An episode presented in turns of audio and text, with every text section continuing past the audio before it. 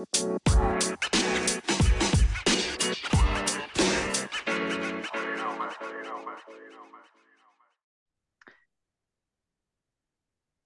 og velkommen til nok ei luke i adventskalenderen til Norsk Bonde- og Småbrukerlag og Jordbrukspodden. I dag er vi så heldige å fått med oss Anne Beate Tvinnereim.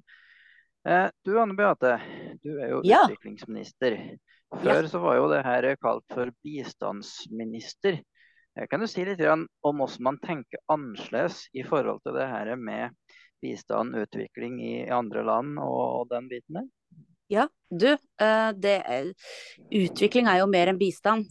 Eh, eh, og, og det å drive med utvikling handler om veldig mye mer enn Altså det handler absolutt ikke om veldedighet, det handler om å sette i gang den derre gode eh, positive hjula ute i samfunn som er mindre privilegerte enn oss, sånn at uh, utviklinga går i riktig retning.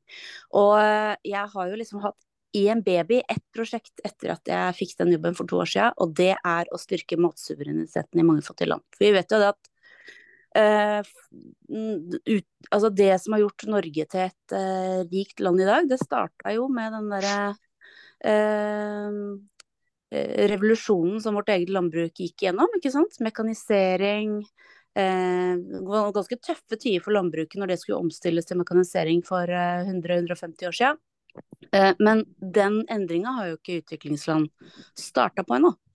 Eh, så det å investere i matsikkerhet og matsuverenitet og landbruk i utviklingsland, det mener jeg er en veldig effektiv form for bistand, og det er på en måte et av hovedprosjektene til regjeringa. Mm. Men hvor stor andel er liksom fordeling av budsjettet går til hjelp til sjølhjelp, og hvor mye går det til nødhjelp? Du, det varierer jo litt, dess og dessverre så er det sånn at uh, krisene i verden har blitt flere det siste året. Så akkurat nå er den andelen som går til sånn humanitær nødhjelp, altså livreddende hjelp, har blitt større på bekostning av langsiktig bistand. Men uh, jeg mener jo at det er veldig, veldig kortsiktig å kun slokke branner. Vi er nødt til å investere i forebygging. Og det vi særlig ser er vanskelig i mange land nå, det er matsikkerhet. Fordi at uh, Pga. konflikt og pga. klimaendring så har det blitt stadig vanskeligere å eh, produsere nok mat. Eh, og da må vi jo tenke to, tre, fem eh, avlinger framover. Eh, så, og det ser vi at det er veldig mange av dem som jobber med nødhjelp, sånn som Verdens mat, matvareprogram f.eks., VFP. Eh, de eh, skal jo bekjempe sult. Men de må sier det at vi må, vi, må, vi må, bort fra det her å dele ut mat. Vi må investere i lokalt landbruk, eh, sånn at eh, vi forebygger kriser, mer enn å bare slokke branner. Så det, det er jo mm. En liten sånn påstand der fra meg, det er jo det at uh, den største krisa er den vi ikke ser i media hver dag. da. Det er de her ja, 800 millionene som legger seg sultne, og de her ungene som dør av sult hver dag. og og andre ting som egentlig er enkle å gjøre noe med. Hva tenker du liksom om den oppmerksomheten som enkelte kriser får, som jo er jo for de enkeltmenneskene er jo en kjempekrise, selvfølgelig, men så er det større kriser som vi ikke ser. Og så føler jeg at da går fokusen mot de krisene, så glemmer vi egentlig litt det som du snakker om. Ja, det er en fortvilelse for oss som jobber med det her hver eneste dag. Vi ser jo nå at uh, både Ukraina og Gaza selvfølgelig får masse masse oppmerksomhet, og det bør de jo få, men vi vet at det er, det er pågående sultkriser flere steder i verden. Uh, og vi vet at f.eks. i Sudan nå så utvikler det seg en humanitær katastrofe som nesten ingen snakker om i det hele tatt. Og uh, for to uker siden så ga Norge en ekstra påfylling av bistand til eh, Verdens matvareprogram. Og eh, det, var litt morsomt, for tittelen på den pressemeldinga vi sendte ut om den, den bistanden, det het Eller der sto det um, resultater som ingen noensinne får se. Altså usynlige resultater. For de pengene skulle rett og slett gå i, til lokal matproduksjon for å forebygge sultkriser i områder som vi vet står foran eh, store klimautfordringer de neste månedene. Så, så, det er den beste bistanden vi kan gi, men det får veldig lite oppmerksomhet. Mm. I en situasjon der vi har eh, fortsatt sult, som jo man har satt tatt til orde for å, å ut, utrydde, rett og slett. Eh, hva tenker du om viktigheten med at eh, hvert land produserer nok mat til sin egen befolkning, og hva det har å si? For det er jo liksom et tilbud-etterspørsel. Desto mer mat som blir produsert, desto større mm. sjanse er det jo for at folk får den maten de trenger. Hvor viktig er det i den sammenhengen her? Det er kjempeviktig, og det ligger egentlig til grunn for uh den, eh, den, bistanden som vi gir til eh, landbrukssektoren nå. Og det er så etterspurt. Når jeg snakker med kollegaer, landbruksministre eller andre statsråder fra land i Afrika f.eks., så sier de at matsuverenitet, altså det å produsere nok mat og ha kontroll over egen matproduksjon, det er det aller, aller viktigste for dem. Ikke bare for å sikre at folk har mat i magen, men også for nasjonal sikkerhet. For vi vet det at når Folk er sultne, da blir folk sinna. Eh, og da eh, vet vi av historien at da kan det fort eh, bli både uro, migrasjon og konflikt.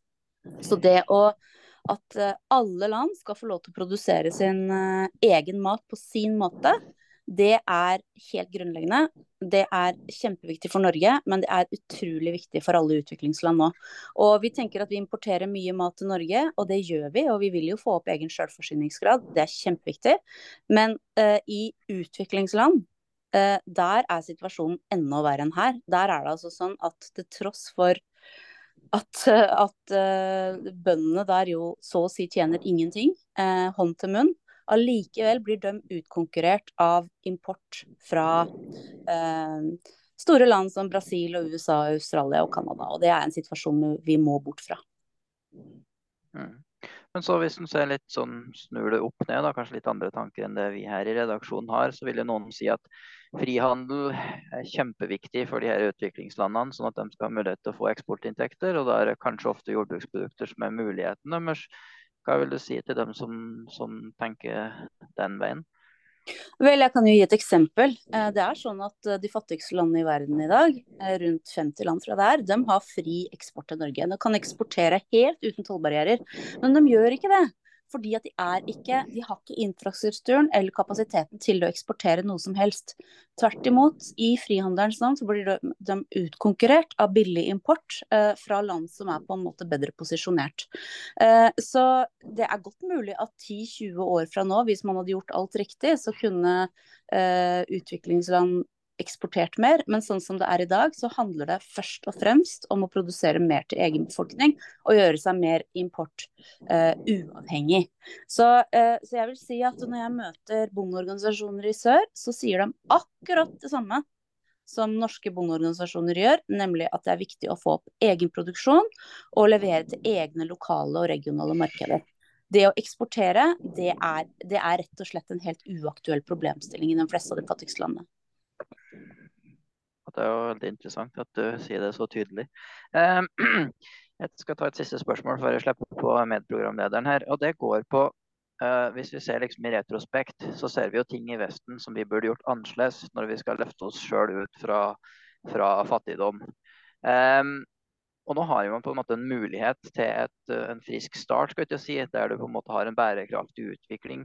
Hvordan løfter man um, folk i den tredje verden opp til et nivå som gir god levestandard, men som ikke er en levestandard sånn som vi i Vesten har, med et overforbrukssystem, men som er en slags blanding av vår gamle tenkemåte i forhold til jordbruk, i forhold til gjenbruk, i forhold til natur eh, og forbruk, og ikke få den handelsdrevne økonomien som hele tida skal ha vekst for å være en motor, men får den bærekraftige utviklinga samtidig som du løfter levestandarden, og at folk folk har god helse og, og lever gode mm. liv.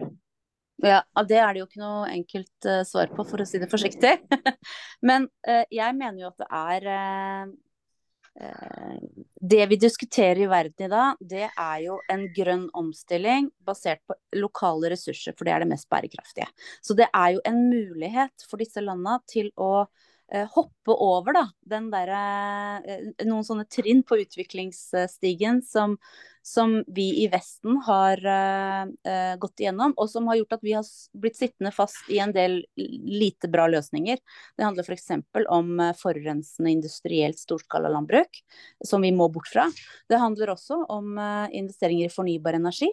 Det ville vært veldig, veldig smart økonomisk for disse landene å gå rett på fornybare løsninger, rett på sirkulære løsninger, og rett på matsystemer som kobler på en måte den, de lokale ressursene, de lokale naturressursene og, og de lokale bøndene på egne markeder.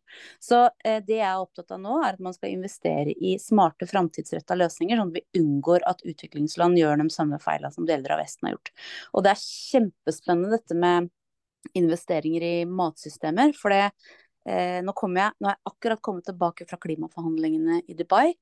Eh, for aller, aller første gang så eh, ble dette med matsystemer og omstilling av matsystemer satt øverst på dagsorden der.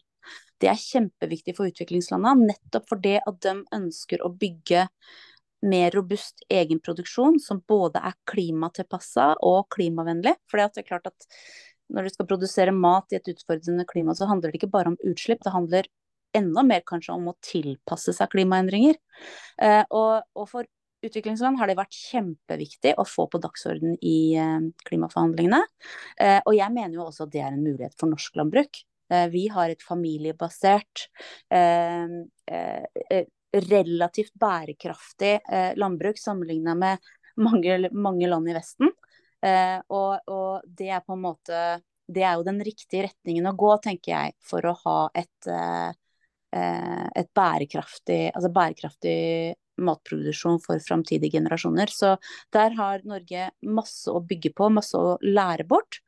Og så skal vi hjelpe utviklingsland i å ikke gjøre de samme feilene som en del andre industrialiserte land har gjort. Ja, det var litt det jeg hadde tenkt å spørre deg om. Og vi ser jo det at klimaendringene påvirker jo bønder i sør. Kan du fra ditt perspektiv si litt hvordan de eh, påvirker? Åh, det er dramatisk hver eneste dag. fordi at uh, i, altså, I Afrika for, eksempel, for å ta det kontinentet, så er det 33 millioner småbønder. De aller fleste av dem er um, sjølbergingsbønder. Uh, og uh, de aller færreste har tilgang på på vanning. Nesten ingen har det. Så det er sånn såkalt eh, Altså det er regnbasert, ikke sant. Det er avhengig av nedbør. Eh, for å, for å dyrke mat til egen, egen eh, familie. Og når da regnet uteblir, så er det jo selvfølgelig en, en, tragedie, en katastrofe. Hvis det kommer for mye regn, eller, de, eller regnet kommer på et annet tidspunkt, så vet ikke bønder når de skal plante, eller hvordan de kan plante for å unngå kraftigere regnskyll. Altså det er alle disse problemene knytta til tørke, til uh, nedbørsmengde, som gjør at de er ekstremt sårbare. Og man kan jo bare forestille seg sjøl uh, eh, her i Norge, hvis man var helt avhengig av uh, kun, kun, regnet, og så kommer det to måneder for sent.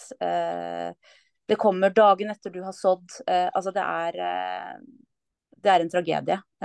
og det gjør at folk kastes ut i umiddelbar sult fordi at de ikke har verken mat de kommende månedene eller såkorn til neste avling. Eller til, neste, til neste, neste våronn, da.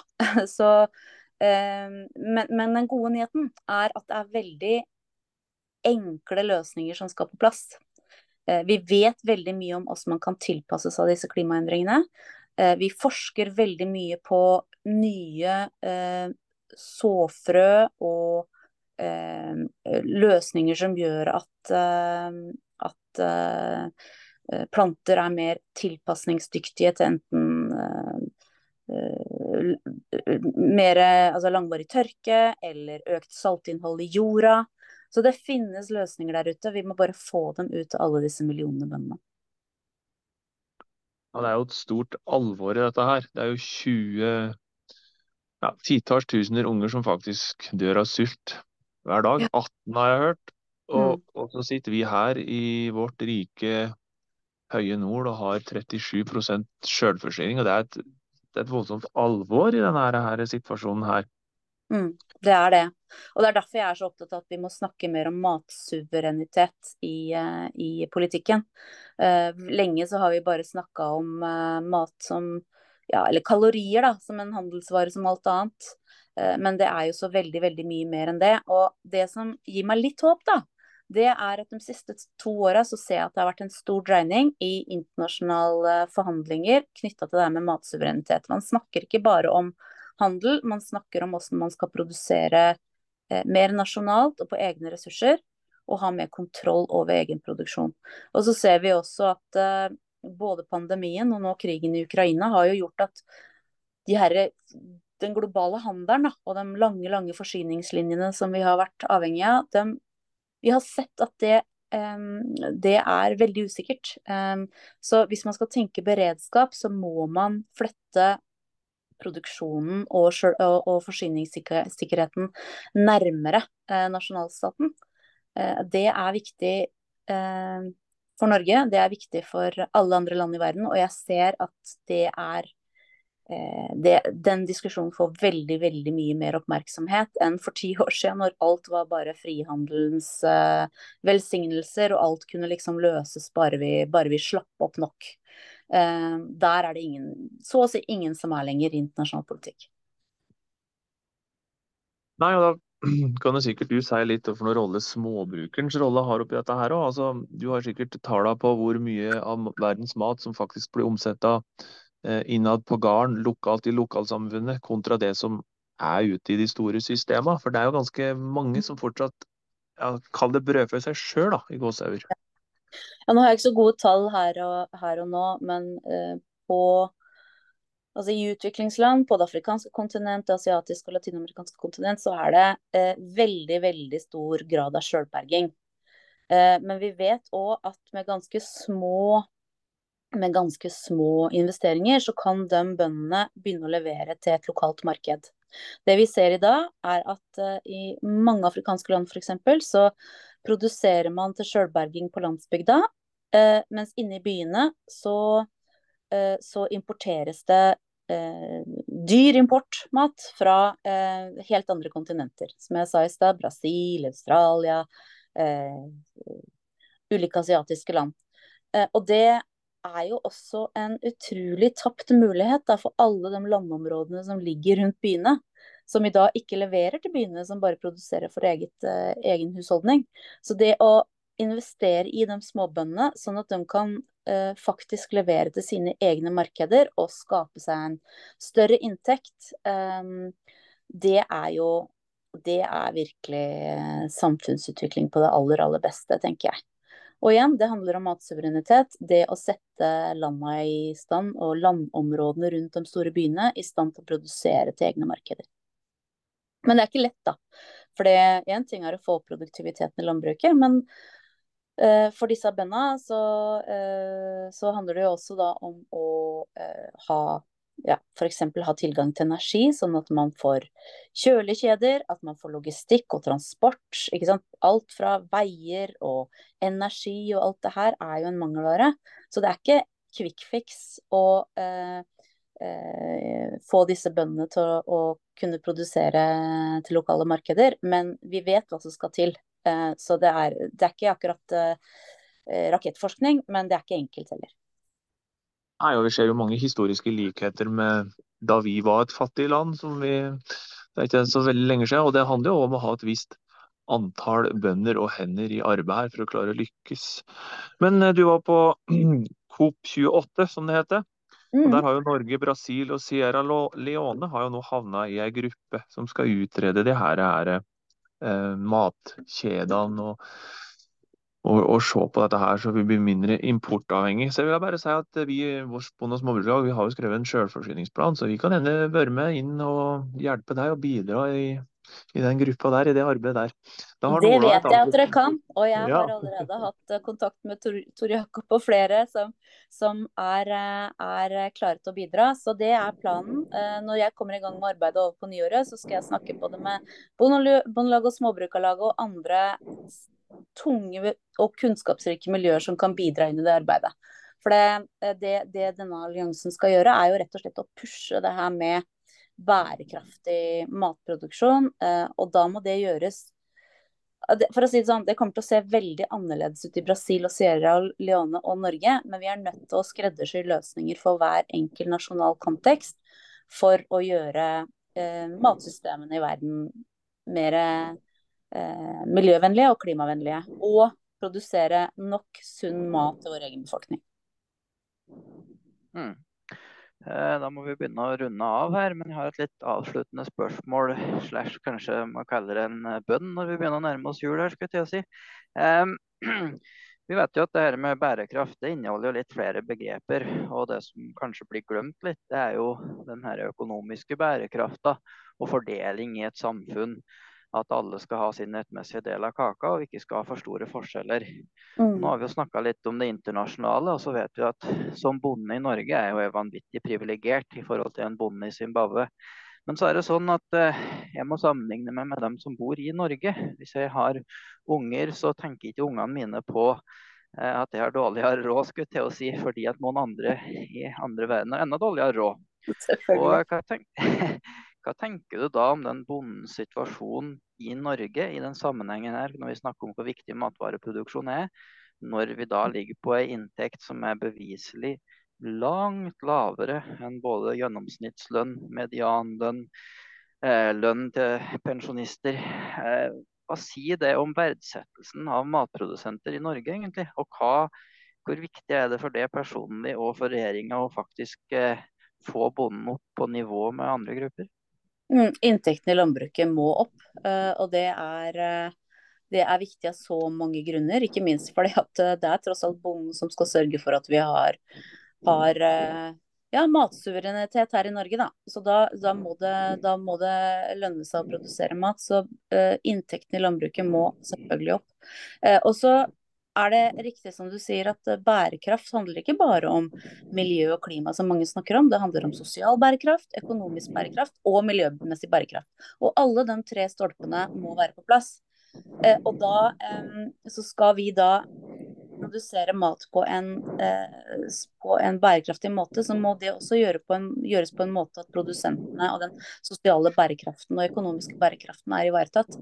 Eh, og Det er jo veldig populært nå å snakke om det her med rettferdig klimaomstilling. Ikke sant? At, at, eh, at det, er ikke, det, er ikke, noen grupper som skal komme til å tape at vi skal redde klimaet. Vi må sørge for at det her går i balanse. Eh, og det, det er jo relevant for landbruksnæringa òg. Skal vi produsere mat på en miljømessig og klimamessig måte, så må den omstillinga skje rettferdig. Sånn at de som produserer maten, også får sin del av kaka.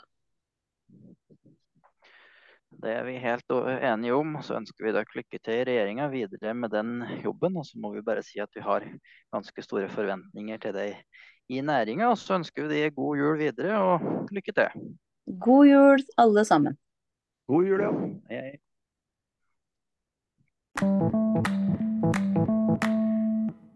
I dag har vi vært så heldige å fått med oss eh, Olaf Tufte. Du Olaf, for dem som har bodd under en stein og ikke lest norske aviser de siste 30 årene, kan ikke du si litt om hvem du er, hvor du bor, og hva du har drevet med, og hva du driver med nå? Uh, ja, Olaf Tøfte bor på Nykirke, uh, er bonde. Uh, og så har jeg brukt et par år av livet mitt på å frakte meg sjøl baklengs over vannet. Det er vel kort fortalt. Eh, nå driver jeg med jordbruk, skogbruk, eventer, bryggeri, coaching, eh, foredrag, barneoppdragelse. Ja. Eh, du kaller det jo bonde, og har jo gjort det hele veien. Egentlig Er det et image og en litt gimmick, eller føler du deg virkelig som en, du føler deg som en bonde? Nei, jeg eh, er født og oppvokst bonde, så det er noe, det er noe jeg er. Uh, og verdiene jeg står for og alt jeg egentlig har lært i oppveksten, kommer fra uh, gårdsbruk, uh, hvor bestemor har vært mentor og, og sånt noe. Så jeg er, jeg er, stolt av å være bonde. Det var ikke alltid det var veldig kult når jeg var yngre og gikk på skolen, men jeg sto like rakrygga og sa høyt at jeg er bonde. og det er jeg fortsatt. Mm. Vi har jo ganske mange innen idrett som kommer fra gård. Nå har vi ikke sett på noe statistikk om den gjør det bedre, presterer bedre om det er fra gård, men det er i hvert fall ikke noe bakdel. Hva tenker du om det her med det fysiske arbeidet og grunnlegging i forhold til trening og mosjon og struktur, kanskje, som du, at du må bidra i et fellesskap på en gård? Hva tror du det kan ha å si liksom, for en eventuelt idrettskarriere framover, eller på andre nivåer i livet? Jeg tenker at det er jo flere aspekt, men uh, den ene, ene, biten er jo at uh, hvert fall uh, tidligere i på en måte århundre og bakover altså var jo veldig mye av landbruksjobben fysisk. Det er den fortsatt, selv om det har kommet mange maskiner til nå. Men fortsatt så gjør man veldig mye fysisk av veldig aktivitet. Så man får jo en, en grunnform som er ganske bra. Um, og så er det jo en lærdom som man får med seg når man er bonde, så er det sånn at du velger ikke uh, Jeg gidder ikke å jobbe lenger etter klokka fire i dag. Uh, noen ganger du er bare nødt til å jobbe til du er ferdig, fordi været avhenger av bestemmer hvor lenge du er nødt til å jobbe innimellom. Og noen ganger så må du bare fullføre. Og det er jo en ekstremt viktig lærdom uh, som man kan ta med seg arbeidslivet, først og fremst. Eh, også inn i idretten. Selv om idretten er ganske god på det, så er det helt klart eh, en plussfaktor. Når du kommer fra gård, kommer inn eh, og skal drive idrett, så vet du at det her er bare å, å kjøre på helt til du får ny beskjed og komme til mål. Mm. Og den mentaliteten der, da er en jo litt inne på det å ikke gi seg før en er ferdig. Og sånn kan det jo være i, i et løp eller roing eller sykling eller hva det nå er av idrett. Og hva, hva tenker du om rundt det her mentale biten? Man snakker ofte om formtopping, eh, grunntrening osv. osv. Men hvor mye har den mentale biten? Hva er det som skiller liksom Clinton fra Veten? Hva, hva er det med det mentale som gjør at de beste er best? Eh, jeg tenker jo at eh, Det er jo mange aspekter av det. men altså, hvis, du ikke er bra trent, så hjelper det ikke hvor god du er mentalt. Så du må, du må henge litt sammen. Må, først må du jo trene, og det er jo den enkleste biten. Eh, men så har du jo mange sider av mentalitet. altså Om du klarer å fokusere på de tingene som gjør at du faktisk klarer å utøve det du skal, eller om du, får, eller om du fryser og ikke klarer å utøve det du skal. Eh, men det som veldig ofte kjennetegner de aller beste, det er at de klarer å få en mindset hvor de har fokus på her og nå og de tingene de er nødt til å gjøre for at de skal få det til. Da. Eh, og det er jo noe man Eh, man kan selvfølgelig trene på det, men noen har det litt lettere tilgjengelig enn andre. Og så kommer den um, som mange kaller for killeren. da, At du gir deg ikke. Du gir deg ikke, liksom. Og det, det er en greie som det, det bør jo på en måte ha trent litt på. Men hvis du først, i mitt hode, så er det sånn hvis du først har gitt deg på en tøff test eller i en konkurranse én gang, har du gjort det én gang, så gjør du det litt lettere neste gang. Og da er du i gang. Da er liksom, ja nei, nå føles det sånn igjen, og det går jo ikke bra. Så da, nei, da kan jeg liksom slutte.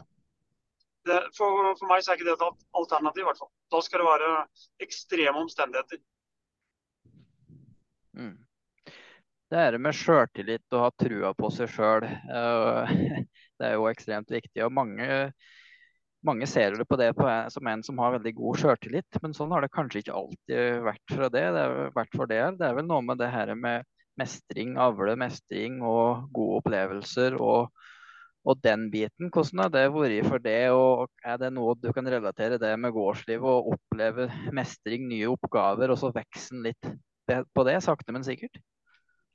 Uh, absolutt. Jeg har aldri hatt uh, god sjøltillit, og har det fortsatt ikke. Men jeg har blitt så voksen at jeg uh, tør å innrømme hva jeg ikke, ikke er så god på. og når du gjør det, så får du en litt annen ro over hele livsstilen din. men i ung alder så var man veldig opptatt av hva man var god på, og aldri vise hva du var svak på. Og ikke innrømme det. Og da blir man litt sånn stressete på sjøltilliten, føler jeg. Eh, og, det, og, det, med mestring er selvfølgelig mestring eh, skaper jo eh, en selvtillit. Men det er lett å få falsk selvtillit og være overmodig. Men i, i form av trening konkurranse, så er det sånn at når du har gjort ekstremt tøffe ting som du har klart å få til og komme ut av det, så vet du at du er kapabel til å stå ut løpet. Og det er på en måte en, en veldig god greie da, å ha med seg. Uansett hvor vondt det er, uansett hvor tungt det er. Det her klarer jeg. Jeg vet at det er mulig. Det er liksom den viktige biten. Og da kommer det inn på en ting som jeg mener er veldig viktig. og det er at det er ganske mange som tror at de skal finne opp kruttet i en konkurranse. Som nå gjelder det, nå skal jeg virkelig vise. Hvis du ikke har gjort det du skal gjøre i konkurranse på trening tidligere, så er det veldig unaturlig å gjøre det i en konkurranse. Så for meg så handler det om å ha trent på de tøffe tingene og gjort verre ting enn konkurranse på trening. Da er jo plutselig konkurranse ikke så tøft lenger. Da handler det om å utføre det bra nok, sånn at det går fort nok. Så um, man må trene på det man skal bli god på. Mm. Hva tenker du? Du har jo både konkurrert selvstendig og i lag. Og jeg har oppfatta som at du er opptatt av det her med team, og også på gården din med både kårfolk og kone og andre samarbeidspartnere. Hvor viktig er det å hente inn kompetanse fra andre som er dyktigere på andre felt enn deg sjøl, og det med samarbeid for å nå et felles mål? Jeg tenker at Det er en av de viktigste nøkkelfaktorene hvis du skal lykkes, og gjerne lykkes over tid så er det å være ydmyk på at det finnes masse andre mennesker som eh, er gode på andre ting enn det du er god på. Eh, så det å være ydmyk og nysgjerrig, det er for meg veldig veldig viktig i, eh, i utviklinga. Så de som på en måte tør å være ydmyke og er nysgjerrige nok og spør andre mennesker, og når de er litt usikre, så henter de inn folk som de vet har vært der før for å på en måte få kvalitetssikra det de sjøl holder på med. Og så er man ikke redd for uh, å få beskjed om at det du holder på med nå er ikke bra nok, det må du forandre litt på.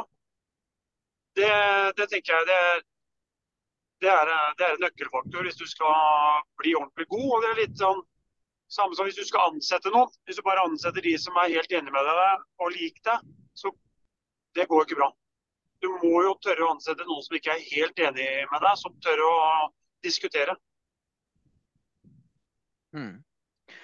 Og du eh, er jo ikke bare tidligere idrettsutøver og bonde, men du, du, er jo en merkevare og et brand, og prøver jo å kapitalisere på det og skape en, en næring ut fra det. Og, eh, og, litt i den parallellen vi, vi, i landbruket ser jo på som at vi har egentlig et godt, uh, godt brand. Vi er dyktige på det vi driver med å levere gode produkter i kvalitetstoppsjiktet.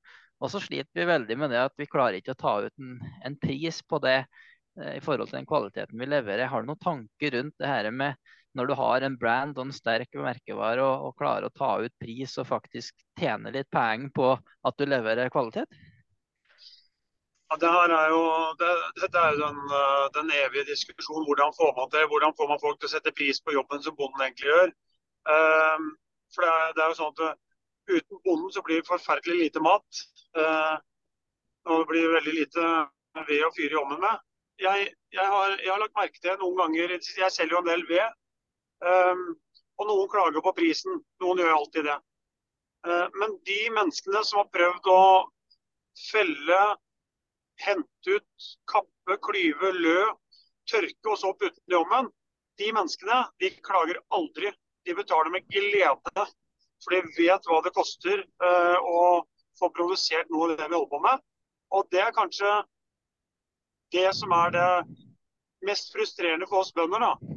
Det er at eh, folk som klager og syter, de aner ikke jobben som ligger bak å få det her til å spire og gro, og det skal høstes og tørkes og lagres og, og behandles. Har null peiling. De er bare vant til å gå og hente kjøttdeigen i frysedisken. Gå hjem og lage middag, og livet er herlig. Det kan da ikke være så ille. Så um, flere mennesker, flere skoleunger burde hatt dager på gård og lært mer av hvordan ting faktisk henger sammen, og hvordan, hvordan ting blir til. Da. Det er um, grunnleggende lærdom som de mister. For det, landbruk, det blir mindre og mindre landbruk uh, og flere og flere mennesker. Ja, der kan jeg ikke få sagt meg mer eh, enig, Olaf. Jeg har jo skoleelever innom sjøl i fjøset og ser hvordan de mestrer og ser hvordan de lærer og ta ansvar. Men jeg er litt nysgjerrig på den coaching-virksomheten din. du. Dreier du den, ja. inn i, uh, du den inn i gardslista på noen måte? Kan du fortelle litt om det? Uh, altså, jeg er jo rundt for mange bedrifter og foreninger og enkeltpersoner. og noen, noen, ganger så er man jo rein coach, mye treningscoach. Andre ganger så kan det være eh, mentalcoach. Eh, ender man jo eh, ofte opp med å være litt sånn eh, livs, livscoach. Jeg forsøker jo å, å etterleve det jeg predikerer til andre, og det er ikke alltid like viktig. I form av å på en måte være, være, spørrende, gi utfordringer, gi, gi frihet. La folk få lov å feile uten å gripe inn og, og bare skal irettesette. Så det, det, er veldig mange aspekt av den coaching-biten som jeg ofte må ta meg sjøl i. da. At oi, nå må du gjøre det du sjøl prater om til andre, og ikke bare dure fram. Så det er veldig morsomt å se seg sjøl i speilet innimellom på, på, akkurat det, da. Hvor stor del av coachinga handler om å bygge sjøltillit og egenverdi hos dem du coacher? Um, veldig mye av coachinga handler faktisk uh, mest om å bygge lag. Uh, verdsette menneskene som er rundt seg, uh, og ta vare på dem. Jeg har sånn enkel filosofi at hvis du klarer å få de menneskene som er til å synes at du er en ålreit så kommer de til å hjelpe deg når du trenger noe.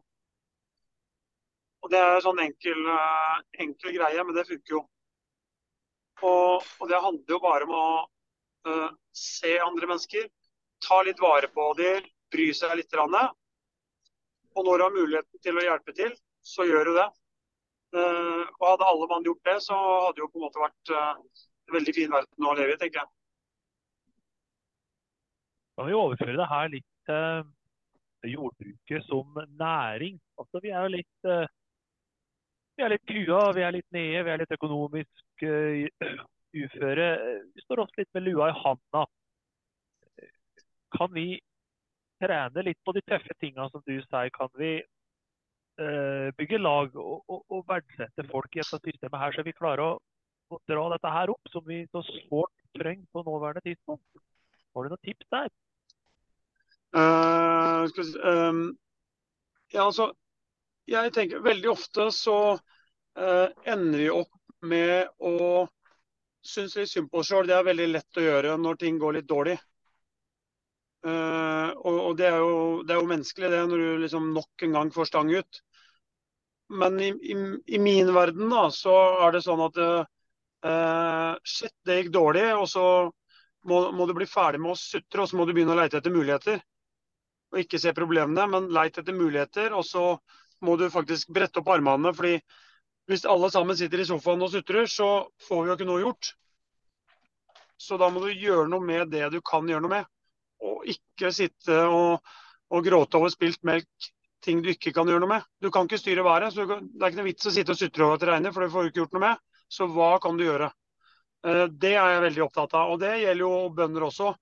Eh, det, er mulig å utnytte Eh, jordbruket og gårdene rundt om veldig ofte til flere ting enn det man gjør, da, hvis man ser muligheten til å klare å finne de små tinga. Men da må man brenne for det. Hvis du, hvis du ikke har på en måte den uh, indre driven og, og passion for å, for å, gjøre noe, så blir det jo ikke ordentlig heller. Og da ender man opp da med å heller klage på ting man ikke fikk gjort. Ja, der er du inne på noe der. Litt over til Det her er jo, det her er jo en adventspott. Vi må prate litt om den der tida vi er inne i nå. Ja. Jeg hørte bl.a. at du brygde øl. Er det en del av juletradisjonen på, på gården med dere? Du, eh, ja for så vidt. Men jeg har dratt den litt videre. Eh, nå har jeg også starta et eget bryggeri. Spennende. Så og hva går uh, og hva...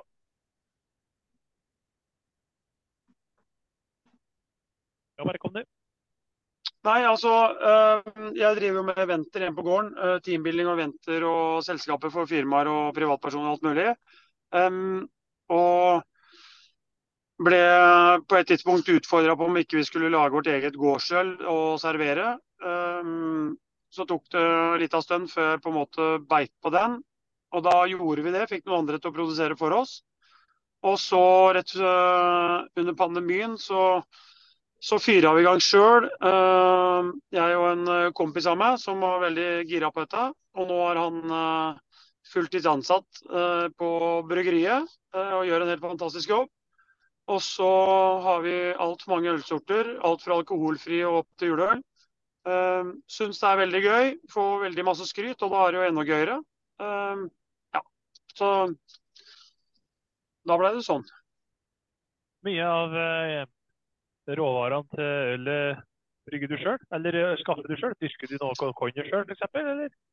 Du, vi har faktisk en av ølsortene, så er kornet er, er dyrka på rundt låven. Honninga kommer fra skaukanten, og en del av humla kommer fra solveggen. Så noe særlig kortere enn det klarer du ikke å få tak i. Det er skikkelig tøft.